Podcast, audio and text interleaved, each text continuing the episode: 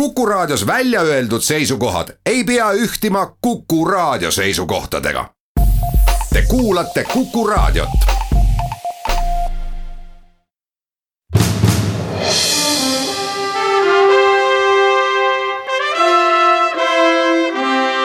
vahetund Postimehega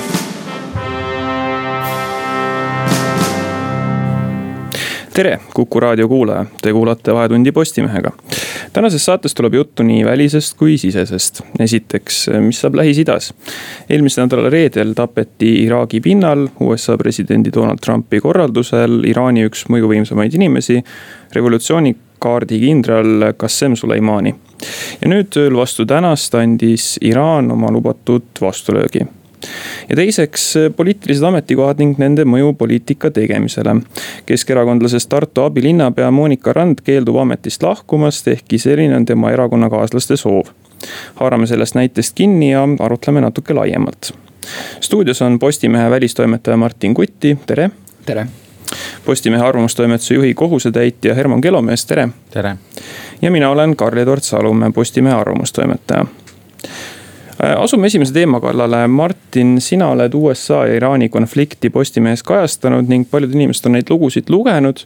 kuid ilmselt on nii mõnegi inimese puhul need teadmised jäänud natukene auklikuks. palun võta niimoodi lühidalt ülevaatlikult kokku, mis on alates eelmise aasta, eelmise nädala lõpust toimunud. no tegelikult peaksime minema natukene võib-olla ajas tagasi, et viimased kuud, mis on need toonud, et äh, iraanlased või Iraani poolt toetatud äh, rühmitused Iraagis on siis rünnanud USA sõjaväebaase. Korduvalt äh, USA on andnud vastulöögi Äh, kui siis eelmise aasta viimasel päeval tungiti äh, Iraani-meelsete relvarühmituste mahitusel USA saatkonda Bagdadis, kus märatseti, pandi seal põlema hooneid, siis. siis läksid suhted väga teravaks ja USA andis siis omapoolse vastulöögi, mis oli nad ütlesid ise, et rünnaku ennetamiseks, kohese rünnaku ennetamiseks, kui äh, Bagdadi lennujaama lähistel korraldati droonirünnak, siis. millest sai äh, surma Iraani revolutsioonikaardi välisoperatsioonide üksuse Quds juht. ja tegelikult Iraani mõjukuselt teine inimene, kindral Qassam Soleimani. ja noh, seda põhjendati, nagu ma ütlesin, siis vahetu ohuga USA baaside ja USA sõjaväelaste diplomaatide vastu Äh, ja see ongi nüüd siis see USA nii-öelda ametliku põhjusena välja toodud, kui igasugustest sõnavõttudest jääb kajama see, et, et Soleimanile maksti pigem kätte võib-olla varasemate tegude eest see, et, et Ameerika sõdurid on tema käe läbi äh, surnud. ja pärast seda tegelikult pärast droonirünnakut võib öelda, et, et olukord läks käest ära, et äh, algas ulatuslik vastasseis, mis tõi kaasa tõsise sõjaohu Iraan hakkas vanduma kättemaksu, kuulutati välja kolme päeva pikkune lein, siis äh, matusetseremooniad toimusid Soleimani äh, mälestamiseks. Äh, kokku tuli Iraani riigimeedia teatel erinevatel üritustel siis miljoneid inimesi, noh seda võib natuke skeptiliselt suhtuda nendesse arvudesse aga kogu maailm siis hakkas spekuleerima, et mis edasi saab, et kuidas Iraan vastab, et kahtlemata nad vastuse annavad et kas see tuleb siis küberrünnaku, terrorirünnaku või mõne sõjalise löögi vast-, äh, kaudu. Äh, Iraani kõrgema juhi Ayatollah Ali Khamenei äh, nõunik ütles, et, et saab olema sõjaline vastus. ja seda me nüüd siis ööl vastu tänast nägime, et. et Iraan korraldas raketirünnakud USA baaside vastu, kahe baasi vastu. kokku saadeti kakskümmend kaks ballistilist raketti teele. seal on erinevaid andmeid muidugi, et näiteks baasis, kus, kus teenivad ka Eesti kaitseväelased, sinna äh, saadeti seitseteist raketti, neist kaks ballistilist raketti, et, et seal praegu on veel selgitamisel asjaolud täpsemalt. Äh, aga USA ja Iraak on mõlemad öelnud, et nende sõdureid surma ei saanud rünnakutes, Iraan on samas väitnud, et. et hukkus kaheksakümmend ameeriklast, et äh, kindlasti nüüd järgmised tunnid, järgne, järgmised päevad näitavad, mis seal edasi hakkab saama üks põhilisi küsimusi on see, et, et kui me paneme Suleimani tapmise laiemasse konteksti ja võrdleme seda varasemate juhtumitega, et siis. missuguse võrdluse kannatab see praegune sündmus välja ja missuguse mitte. kui me meenutame näiteks Osama bin Ladeni jahtimist ja tapmist, siis kas seda praegust situatsiooni on võimalik kuidagi omavahel võrrelda? No neid võrdluseid on tehtud siin ka bin Ladeni ja ka Abu Bakr al-Baghdadiga, siis ISISe juhiga, kes, kes mõni kuu tagasi ka Trumpi korraldusel siis tapeti. CIA endine direktor ja kunagine Iraagi vastase koalitsiooni juht David Petraeus on öelnud, et, et, et see nüüd Soleimani tapmine oli isegi suurem samm kui, kui bin Ladeni tapmine, et no üks suur erinevus ehk kõige suurem erinevus on see, et, et kui bin Laden ja Bagdadi mõlemad olid äh, ikkagi terrorirühmituste liidrid. terve maailm nägi neid kurjategijatena, massimõrvaritena, siis, äh, siis Soleimani puhul on natuke see pilt kirjum või, või hägusam, kuidas, kuidas öelda et äh, tegelikult tegu on ju Iraani ametiisikuga, väga kõrge sõjaväelasega. et Iraani poolelt äh, rünnaku järel seal mõned analüütikud ütlesid, et, äh, et see rünnak on võrreldav sellega, kui tapetakse näiteks USA staabiülemate komitee juht, ehk siis ka väga kõrge kindral aga USA meedia võttis kokku selle Soleimani tapmise, et tegelikult lõpetati ühe Lähis-Ida viimaste, viimase kahe aastakümne kõige mõjukama mehe elu et kes on äh, laiendanud Iraani mõjuvõimu tohutult regioonis erinevate relvarühmituste kaudu, varustanud, äh, välja õpetanud äh, erinevaid šiidi rühmitusi, mänginud tegelikult suurt rolli ka Süüria sõjas. et, et kahtlemata on see väga, väga suur samm ja, ja ma noh kuigi USA on, on Iraani revolutsioonikaardi, mille alla siis ka Soleimani kuulus, kuulutanud terroristlikuks rühmituseks, siis. siis on ikkagi see küsimus õhus, et kas, kas on õigustatud tegelikult kolmanda riigi ehk siis äh, Iraagi pinnal Iraani väga kõrge kindrali tapmine. et siin on äh, poolt ja vastuargumente, ka USA-s on tegelikult jagunenud see arvamus äh, poliitikute hulgas suuresti parteiliini pidi demokraadid on just kahelnud Trumpi selles meetodis, kuidas ta seda tegi. keegi ei vaidle väga sellele vastu, et Soleimani oli halb inimene ja noh, teda taga ei nuteta, ütleme niimoodi. aga, aga jah, see meetodid et kongressi ei, ei informeeritud enne rünnakut. et president võis noh, eks tulevik näitab, aga võis kuulutada sisuliselt sõja välja ja päästa valla tohutu mõjuga regionaalse konflikti. et aeg annab vastuseid sa mainisid ka seda, et, et Suleimani tapeti Iraagi pinnal. kas see kokkuvõttes kuidagi muudab selle praeguse situatsiooni veelgi pingelisemaks või vastupidi, natukene nii-öelda lihtsustab seda olukorda? no ma usun, et pigem pingelisemaks muudab seda, et, et Iraak Iraagi valitsus ütles ka pärast rünnakut, et nemad seda heaks ei kiida ja kuna tegelikult Iraani mõjuvõim Iraagis on väga suur et, et ma usun, et see, see võib pingestada veelgi olukorda, et nüüd ju nädalavahetusel Iraagi parlament hääletas ja kutsus valitsust üles USA väed riigist välja saatma, et seda.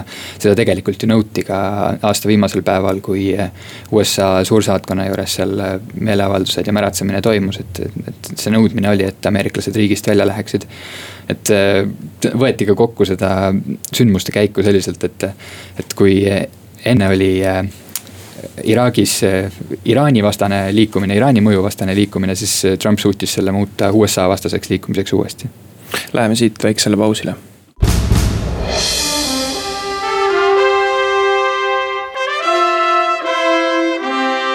vahetund Postimehega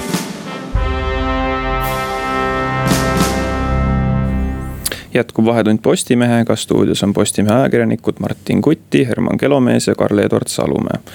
Martin, ma jätkaks sinuga USA-Iraani konflikti teemat sellega, et kui tõsiselt ja tõe pähe tuleks võtta seda USA ehk siis ennekõike Donald Trumpi välja käidud põhjust, et äh, Qassem Soleimani kavandas USA sõjaväelaste ja diplomaatide vastu mingit rünnakut no mõnes mõttes on ta Trumpi administratsiooni jaoks praegu selline õlekõrs, et, et, et kohene rünnak oli tulemas, see oli päevade või tundide küsimus, millal see rünnak tuleb.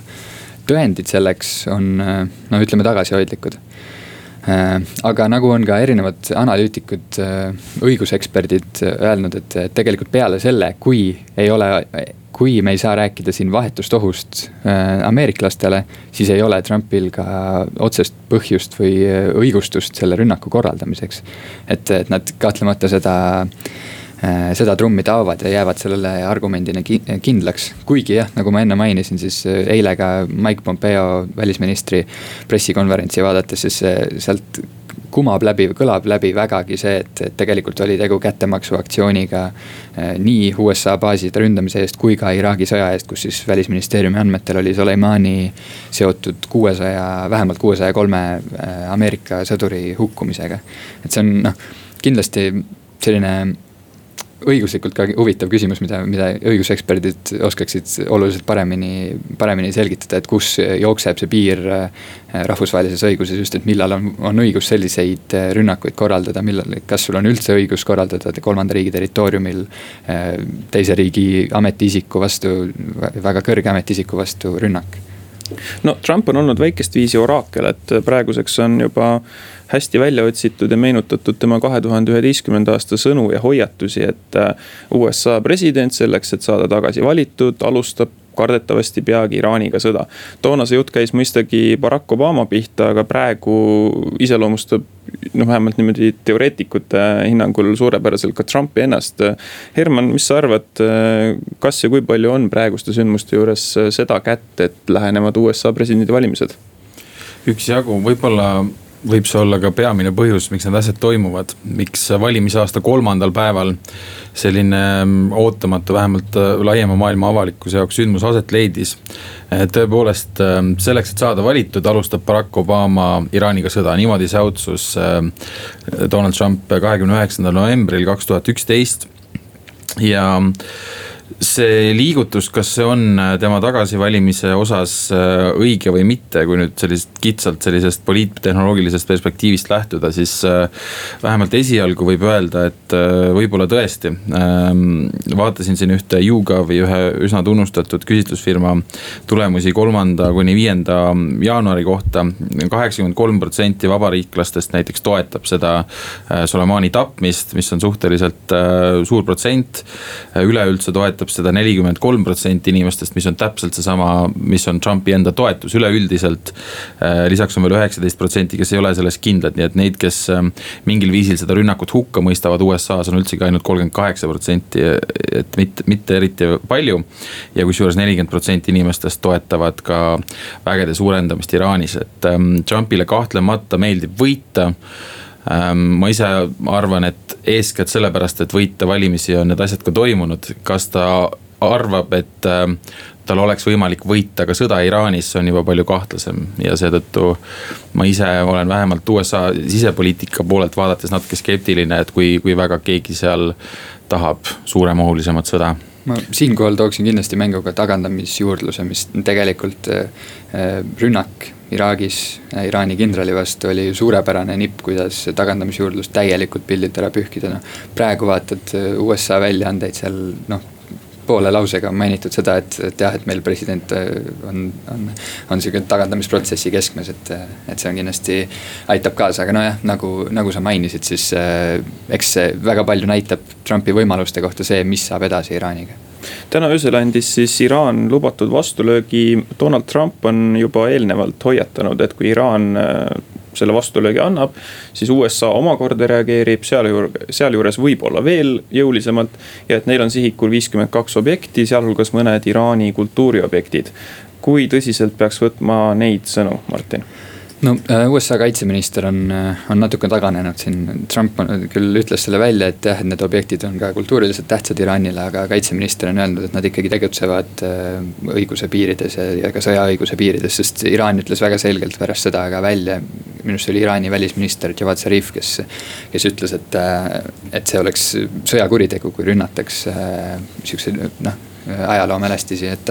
ja võrdles seda sellist tegutsemist äh, terrorirühmitusega ISIS, kes tegelikult ju ka hävitas, äh, hävitas sajandite vanuseid objekte et äh, ma usun ja, ja no loodan ka, et, et, et siinkohal ikkagi jääb, jääb selline mõistuse hääl kõlama lõpuks, et, et Trump ei saa omavolitseda, isegi kui ta võib-olla tahaks, tahaks midagi seal õhku lasta, kultuuriobjekte, et et seda ei toimu, aga no näis, mis, mis, kuidas üldse Ameerika reageerib, et Trump peaks nüüd äh, esimesi minuteid ärkvel olema uut päeva alustama, et tänane päev annab kindlasti vastuseid. näis, mida ta säutsub. mis te arvate, kuidas see kõik mõjutab USA ja, ja teiste NATO liikmesriikide omavahelisi suhteid, sealhulgas Eestiga, Herman? See muudab seisu üsna keeruliseks, meenutame kahe tuhande kolmanda aasta Iraagi sõda. siis tegelikult läänemaailm oli ju olulisel määral lõhenenud. Saksamaa ja Prantsusmaa kindlasti ei soovinud ega, ega läinud sellesse sõtta. Suurbritannia samas läks. Eestil on siin implikatsioonid selles mõttes, et äh, me võime sattuda kahe tule vahele, meile on USA väga tähtis liitlane. samal ajal oleme me nüüd juba kuu aja pärast Euroopa Liidus, kus meie tähtsaimat suurriigist liitlast Euroopa Liidus ehk Suurbritanniat enam seal ei ole mis tähendab seda, et äh, Saksamaa ja Prantsusmaa sõna kaal ka, ka seal on, äh, on palju suurem. ja see paneb meid küll, ma arvan, päris keeruliste dilemmade ette, eriti olukorras, kus see situatsioon peaks eskaleeruma ja kui peaks kerkima küsimused sellest, et. Äh, mida siis Euroopa riigid, NATO liitlased, Euroopa Liidu riigid selles situatsioonis ette peaks võtma ja lisame juurde siia ka selle, et Eesti on nüüd ÜRO Julgeolekunõukogu liige. meil noh, ma julgen öelda ma loodan, et ma kellelegi liiga ei tee, et, et meil ei ole väga tugevat spetsialiteeti just Lähis-Ida küsimustes. et me peame suutma sellise väga keerulise ja väga terava äh, probleemiga nüüd seal esimestel päevadel, esimestel nädalatel äh, toime tulla. et see, et see on kindlasti paras väljakutse. lühidalt, mida võib ennustada selles osas, et äh, kuhu poole Eesti riik nendes dilemmades nüüd edaspidi kaldub? USA on meie jaoks vaieldamatult meie üks julgeoleku nurgakive. teisalt jällegi Euroopa Liit näiks see olevat eh, niimoodi ettevaatlikult, aga siiski küllalt kriitiline USA tegevuse suhtes jah, väga keeruline ennustada, ma usun, et, et meie põhisõnum saab ikkagi olema see, et, et tõmmake, tõmmake pingeid madalamaks, deeskaleerime konflikti, et. sest eh, noh, ei kujuta ette, millised lõhed see võib lüüa NATO-sse, kui, kui seal ka NATO-s näiteks äh, Äh, tekivad erimeelsused riikide vahel, äh, kes toetab ameeriklasi, kes ei toeta, et mõnes mõttes võib tõmmata paralleele ka selle Türgi eelmise sügise otsusega rünnata Põhja-Süürias kurdide territooriumeid, kus tegelikult NATO oli ju ka noh, erimeelsustel. et ma hetkel ei näe küll sellist üksmeelt, et, et meil oleks, kas oleks NATO-s üksmeel selle osas, kas ameeriklased käituvad õigesti või mitte. no meie minister Urmas Reinsalu on olnud äh, esimestes sõnavõttudes selline USA-d äh, kui mitte heaks kiitev, siis mõistev. mida arvata, kas selline joon Eesti valitsuses püsib või on hääli erinevaid? See on hea küsimus ja hea oleks nüüd kuulda ka erinevatelt ministritelt Äh, ja tegelikult ka opositsioonierakondadelt seisukohti, et saada aru, mis Eesti poliitilise maastiku seisukoht on. ka Jüri Luik on ju tegelikult öelnud, kui talt üsna otsesõnu küsiti, et äh, kui on valida eetiliste tõekspidamiste ja, ja liitlassuhete vahel, et siis, äh, siis USA-s, USA-l peaks nagu abiks olema. mulle tundub küll, et Eesti riigiaparaat on, on sellesse suunda kaldumas, noh, võib-olla see on ka sellist ähm, robustselt äh, huvipoliitikast lähtuvalt õige otsus, aga kui meie riigi ja püsimise alustalad on äh, muude asjade seas rahvusvaheline kord see, et ähm, teiste riikide suhtes agressiivseid samme ei astuta ilma väga heade põhjendusteta no Vootele Päid näiteks tänases äh, oma arvamusloos Postimehes tõi välja, et see õiguslik põhjendus, mida USA kasutas. On äh, seesama, mida kasutas Venemaa Gruusia ründamise puhul aastal kaks tuhat kaheksa. nii et ähm, kõige muu kõrval satume me ka selliste moraalsete dilemmade ette siin küsimuses. no igal juhul see teema läheb hooga edasi, sündmusi on juba täna tulnud selliseid ja, ja uusi pöördeid, millest me siin saates ei jõudnud rääkida. tasub kindlasti äh, kätt pulsil hoida, ennast äh, sündmustega kursis hoida Postimees on selleks üks väga hea kanal. aga selle mõttega, selle teema võtame siit kokku, läheme väikesele pausile.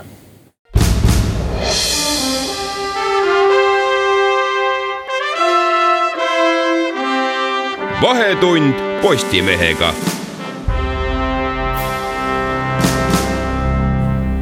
Jätkub Vahetund Postimehega, saates on Postimehe ajakirjanikud Herman Kelomees ja Karl-Edvard Salumäe.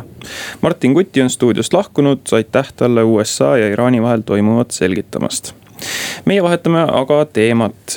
Tartus on tüli keskerakondlaste leeris, ehkki nende ridadesse kuuluv abilinnapea Monika Rand on kaotanud oma erakonnakaaslaste toetuse. keeldub ta oma töökohalt tagasi astumast ja seetõttu kaalutakse tema parteist väljaheitmist Herman, sina tunned ja jälgid Eesti sisepoliitikat päris hästi, millest Ranna juhtum sinu meelest kõneleb? Esiteks võib-olla tasub ära mainida need erinevad nüansid, mis seal on, mis muudavad Monika Rannale lahkumise keerulisemaks.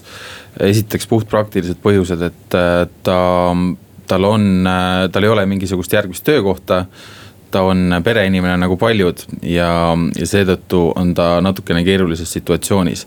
iseküsimus on see, et äh, kas selle uue töökoha leidmine on nüüd siis ikkagi tema enda või erakonna kohustus. Ähm, sellised ähm, poliitilised ametikohad on üldiselt sellised, kuhu ei valita mitte kunagi inimesi konkurssidega, vaid kuhu saavad alati need, keda erakonnal sinna kõige targem panna on et mis põhjusel Monika Rannale omal ajal pakuti Tartu abilinnapea kohta, kuigi ta oli olnud varasemalt äh, Tallinna munitsipaalpolitsei juht ja, ja vahepeal üldsegi mitteparteilisel ametikohal. Ähm, seda ma ise ei oska öelda küll aga siis äh, piirkonnajuhi Jaan Tootsi ähm, tulemisega Tartusse toimusid muutused, mille, mille tõttu siis äh, soovitakse panna kahte uut abilinnapead seniste asemele. see on äh, noh, võib vaielda, et äh, kas see on mõistlik tegutsemine, kas see on õiglane. aga igal juhul üldiselt selline poliitiline ametikoht, mille sa saad seetõttu, et erakonnas keegi otsustab, et sina peaks selle saama. Äh, on üldiselt selline, mille puhul inimene peaks arvestama, et see võib iga hetk otsa saada. sul võidakse iga hetk paluda lahkuda ja, ja et sinu jäämine tegelikult noh, põhjustab pingeid ja, ja häireid äh, selle linnavalitsuse töös ehk siis Monika Ranna juhtum natukene laiema pilguga vaadates on äh, küsimus ja teema nendest Eestis olevatest poliitilistest, poliitilistest töökohtadest üldisemalt. kuidas need inimesteni jõuavad, äh, millistel kaalutlustel eelistatakse mingisuguseid konkreetseid inimesi nendesse ametitesse. ja mis saab nendest inimestest siis, kui ühel päeval sellest poliitilisest töökohast tuleb loobuda äh, mäletatavasti on ennekõike vabaerakondlased kõnelenud äh, nõndanimetatud suurte erakondade või peavooluerakondade puhul nendest hästi suurtest ja pikkadest toitumisahelatest. kui palju on sinu meelest sellises jutus tõtt ja kui palju müüte? seal on pigem tõtt rohkem kui müüte. see toitu, toitumisahel on kindlasti olemas ja ta mõnes mõttes on äh, muutumas üha karmimaks või, või poliitika või ühiskonna huvidele, huvidega vastuolus olevaks. selles mõttes, noh, kui me vaatame näiteks üheksakümnendate riigikogu koosseise. Äh, näeme sealt nimesid nagu Jaan Kross või Jaan Kaplinski ja vaatame tänaseid riigikogu koosseise, me näeme seal palju rohkem neid. kes on olnud äh, maast madalast poliitikud, liitunud erakonna noortekogudega ja sellise poliitilise süsteemi kultiveerimine muidugi aitab äh, erakondadel hoida oma liikmeid lojaalsena et ei oleks liiga palju mässusid, et erakond saaks ühtsena tegutseda, et hääletustel hääled peaksid ähm,. eriti, eriti kui on mingisugused kokkulepped teiste erakondade või kellegi teisega.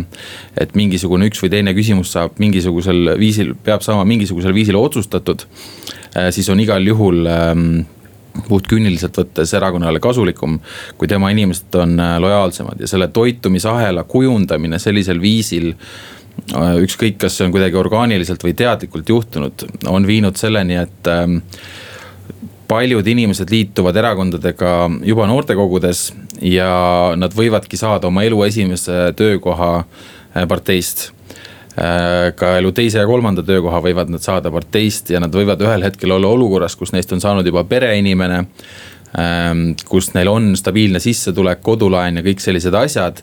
ja kus tegelikult sellelt poliitiliselt töökohalt ära minemine või äraajamine võib tähendada seda, et nendel inimestel tegelikult ei ole mingisugust head ideed sellest, et mida oma eluga edasi teha äh, ja see tähendab seda, et ähm, mis iganes on selle inimese maailmavaade või soov poliitikas ära teha Äh, võib taanduda teisejärguliseks ähm, selle taga, et ta lihtsalt hoiab seda ametit. mis sa arvad seda, et, et ähm, kui palju niisugune olukord, mida sa just kirjeldasid, mõjutab Eestis nii omavalitsuse kui riigi tasandil tehtava poliitika kvaliteeti? kindlasti mõjutab. riigi tasandil ähm, mõjutab ta juba ainuüksi seetõttu, et ähm, sul on need poliitilised nõunikud, kes tihtipeale de facto, ükskõik, kas nad on ministri nõunikud äh, või ka omavalitsuses, võib-olla nad on ähm, linnavolikogude fraktsioonide nõunikud või vallavanemate, valla, vallavanemate nõunikud. Neilt ikkagi de facto eeldatakse erakonna hüvanguks töötamist kuni selleni välja, et noh, neil võivad olla mingisugused üleanded, ülesanded, mida nad justkui täidavad äh, selle raha eest, mida maksumaksja neile maksab ähm, aga mis on tegelikult täielikult erakonna huvides, mis ei ole mitte kuidagi seotud sellega, et äh, mis on selle omavalitsuse või riigi huvides. ja noh, õnneks on äh, riigi tasandil näiteks ametnikkond ju üsna tugev ja sellest, et seal saja või rohkema inimesega ministeeriumis on paar poliitilist nõunikku, kes, kes võib-olla kõige õigematest huvidest ei lähtu. see ei pruugi kõige hullem olla, aga iseküsimus on see, et kui sellised inimesed noh, ilma igasuguse taustata poliitikud satuvad äh, kas ministriteks või ähm, riigikogus tähtsate komisjonide esimeesteks siis äh, ilmselgelt, et noh, et me vist oleme ju kõik nõus, poliitika sisulisus ja mingisugune maailmavaatelisus peaksid olema lähtealused poliitika kujundamiseks. kui nad seda ei ole, noh kindlasti kannatab poliitika kvaliteet kas oskad äh, tuua Eesti ja mõne teise meie sihukese lähema või kaugema riigi vahel mingisugust võrdlust või paralleeli ka? et võib-olla see niinimetatud elukutselised poliitikud, kes on alustanud juba neljateist, kuueteist või kaheksateist aastaselt noortekogudes, ei ole ka nagu natuke laiemas pildis mitte midagi eriskummalist. pigem selline lihtsalt äh, praeguse aja märk. jah, ta on seda igal juhul aga ma siiski näiteks võrdleks natukene USA-ga, mida on võib-olla kohatu teha selles mõttes, et USA poliitikas on palju rohkem valikuid inimeste vahel. ja kuigi seal vahetatakse välja uue administratsiooni tulekuga noh, põhimõtteliselt väga suur osa riigiaparaadist. tuhanded inimesed äh, vahetavad teised tuhanded inimesed välja. siis enamasti on ka nende inimeste puhul, kui nüüd võib-olla konkreetselt Trumpi administratsioon välja arvata, on tegemist üldjuhul ikkagi pädevate, kõrgharitud oma ala spetsialistidega. ja selline jah, noorpoliitikute kultiveerimine riigijuhtideks on igal juhul ka mujal maailmas tõusutrendis, lihtsalt sellepärast, et me, et neid tehnikaid võib-olla vallatakse paremini. aga, aga Eestis mulle tundub jah, et me oleme, et kuna see riik on ka nii väike, siis on võib-olla väga lihtne saavutada edu sel teel mäletatavasti siis, kui Taavi Rõivasest sai kahe tuhande kuueteistkümnendal aastal Eesti peaminister, siis seda võeti just nagu mingisuguse teetähisena. et nüüd meil on ka peaministri kohale välja jõudnud äh, inimene, kes ongi just täpselt seda tüüpi poliitik, äh, keda me siin profileerisime äh, kas sinu silmis ka see muutis Eesti riigi seisukohast midagi või mitte? Jah, ja nüüd on meil ju tegelikult teine järjestikune selline peaminister. kas nüüd konkreetselt peaministri tasandil midagi muutus, ma seda ei oska öelda, aga ma arvan, et ta on igal juhul märgiline äh, näide sellest fenomenist, et kuidas ähm, kuidas meil on, meie poliitikud on professionaalsed poliitikud selles mõttes, et nad on elus kõige rohkem õppinud poliitikat ja, ja kõike muud haridust ja elukogemust on natukene vähem ja, ja see, ta, ta mõnes mõttes oli äratuskell küll, et noh, nüüd me oleme päriselt selles ajastus ja, ja selle tagasipööramine on ilmselt üsna keeruline. Läheme siit väikesele pausile, jääge lainele.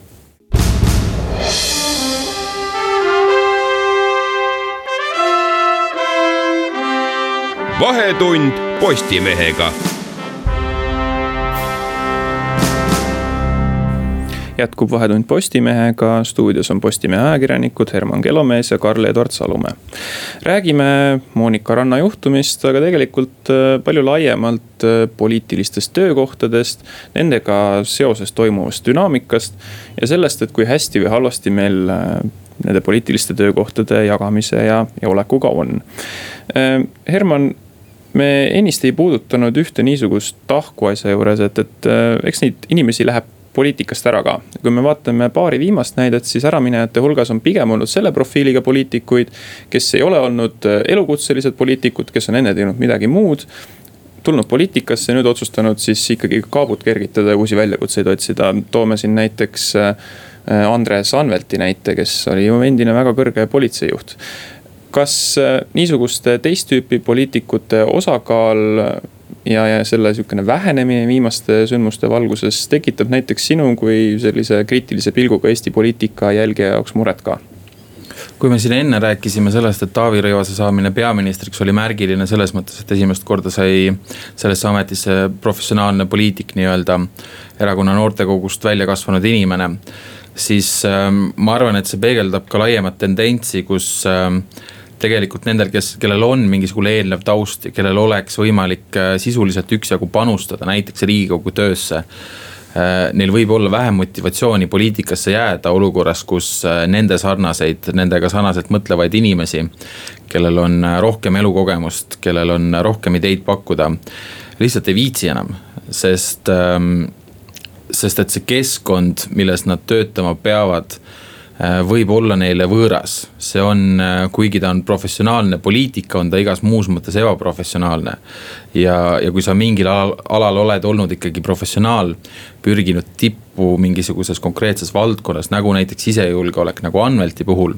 ma kujutan ette küll, et sul võib natukene keeruline olla jääda ja et ähm, ja, ja tegelikult ka need riigikogu liikme palgad, ükskõik kui palju me seda kiruks, nad ei ole üldse nii suured Eesti mõttes, arvestades seda, kui palju on võimalik teenida muudes valdkondades, suhtekorralduses päris kindlasti on võimalik teenida rohkem kui riigikogu liikme palka. ja neid valdkondi on tegelikult väga palju veel kas ei ole mitte muutunud, et äh, riigikogulase palk on muidugi seotud äh, keskmiste sissetulekutega. aga varasematel aegadel lihtsalt erasektoris äh, teenida rohkem kui sihukene kolm-neli Eesti statistilist keskmist mulle tundub vähemalt, et olid võib-olla natuke tagasihoidlikumad, vähemalt selline mulje jääb, kas sa jagad seda vaadet? igal juhul oli riigikogu liikme palgast kõrgemaid palku protsentuaalselt varem vähem, kui need on täna. ja, ja need palgatasemed, mis, mis erasektoris erinevates valdkondades on noh, need võivad olla tegelikult väga palju suuremad, kui on riigikogu liikme palgad või ministrite palgad. ja ainuüksi seetõttu tõttu on, on kindlasti ka üksjagu neid lahkujaid, kes, kes näevad lihtsalt, et lisaks sellele, et nad tahavad, et Õhtulehest neist kord nädalas ei kirjutaks ähm,. tahavad lihtsalt elada paremini just, et äh, tegelikult peaks ju poliitilise ametikoha sisse olema kirjutatud nii mõndagi niisugust ähm, sellega kaasnevat, on see siis niisugune terav avalik tähelepanu. on see siis äh, piisavalt hea sissetulek selleks, et äh, mis siin salata, eks korruptsioon ole igal pool mingil määral probleemiks, et poliitikud ei oleks ostetavad, aga seesama ka, et, et millest me siin oleme rääkinud, et see poliitiline töökoht on niisugune heitlik ja täna olemasolev amet homme võib olla selline, et sind tahetakse sellest vähemalt ilma jätta, nagu siin jällegi see Monika Ranna näide. et see palganumber peaks kajastama ka seda niisugust ähm, teatavat ebastabiilsust. jah, ja teataval määral seda ju ka on, et alati, kui me loeme nendest suurtest äh, kuue kuu suurustest hüvitistest, mida makstakse ministritele või riigikogu, riigikogu liikmetele, siis. Ähm, siis see on nüüd võib-olla ebapopulaarne arvamus, aga ma ise, ise pean seda heaks näiteks sellest, kuidas äh, kuidas luua meetmeid, mis äh, tooks ikkagi suurema kogemusega ja suurema kompetentsusega inimesi poliitikasse. et selles mõttes ma arvan, et rahast rääkimine ei, ei ole vale, ükskõik kui palju see tuska võib põhjustada kui sa nendest võimalikest meetmetest juba niimoodi põgusalt kõnelesid, siis me oleme nüüd nendest poliitilistest töökohtadest rääkinud siit te teise ja kolmanda nurga pealt. aga kas meil on Eestis ka mingisugune sõnastatav probleem, äh, millele oleks võimalik või põhjust vähemasti otsida ka mingisuguseid konkreetseid lahendusi? peitugu see mingisuguses meetmes või, või mõnes muus lahenduses? Neid võib mõelda kõikvõimalikke, võib mõelda, et äh, kas peaks riigikogu liikmetel olema kohustuslik magistrikraad või minimaalne vanus või, või midagi sellist. aga kõigil neil on sellised ähm, juba puhtpraktilised nüansid, miks nad ei ole teostatavad. ja teiseks on siin ka paratamatu küsimus sellisest poliitilise vabaduse piiramisest ähm, kui, kui, kui me mingisuguseid konkreetseid meetmeid ette võtaksime, et selles mõttes ma väga ei usu, et, ähm, et neid olemas on ja milline see rohi on, mul oleks väga hea meel kui mul oleks äh, välja käia siin mingisugune positiivne programm, kuidas Eesti poliitika paremaks muuta. aga mul ei ole seda. kas äh, näiteks poliitiliste ametikohtade jagunemine saab ja peabki olema nii suurel määral erakondade endi otsustada.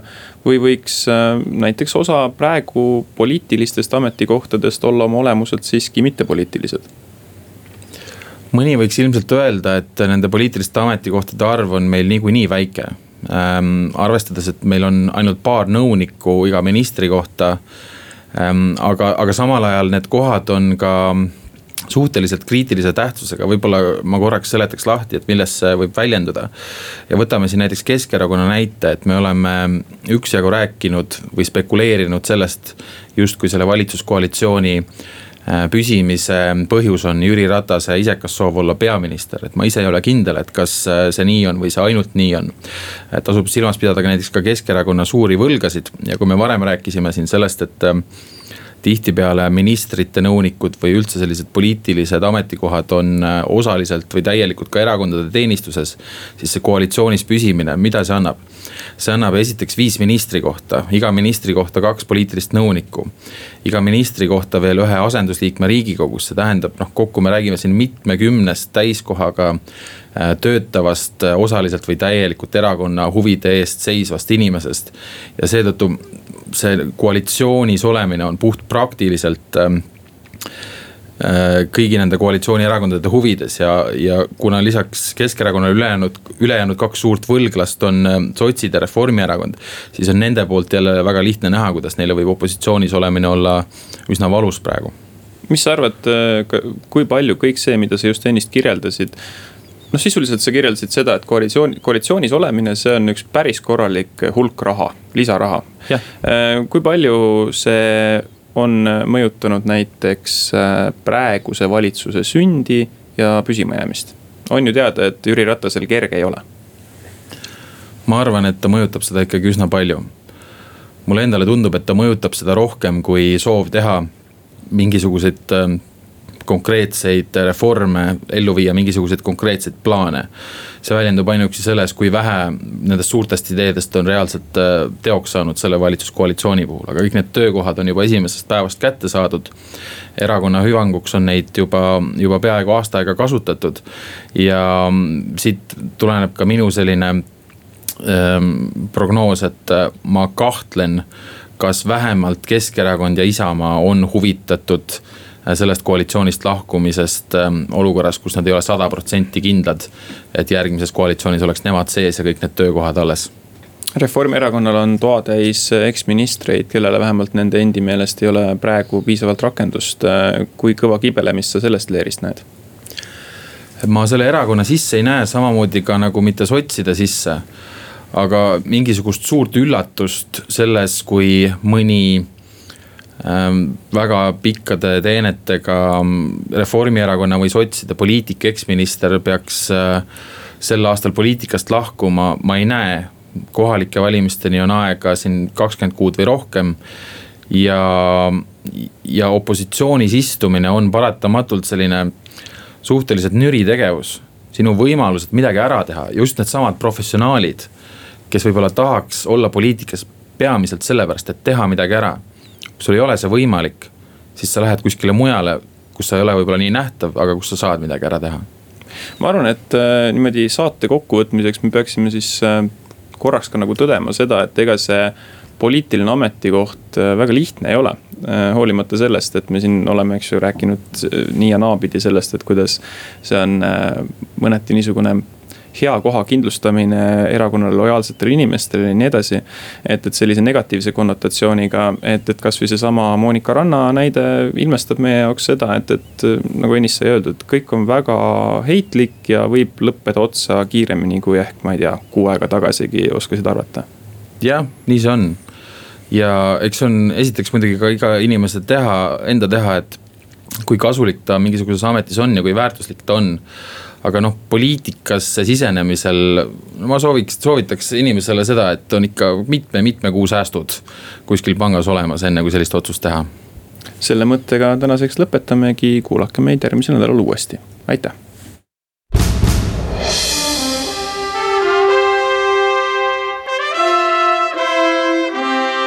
vahetund Postimehega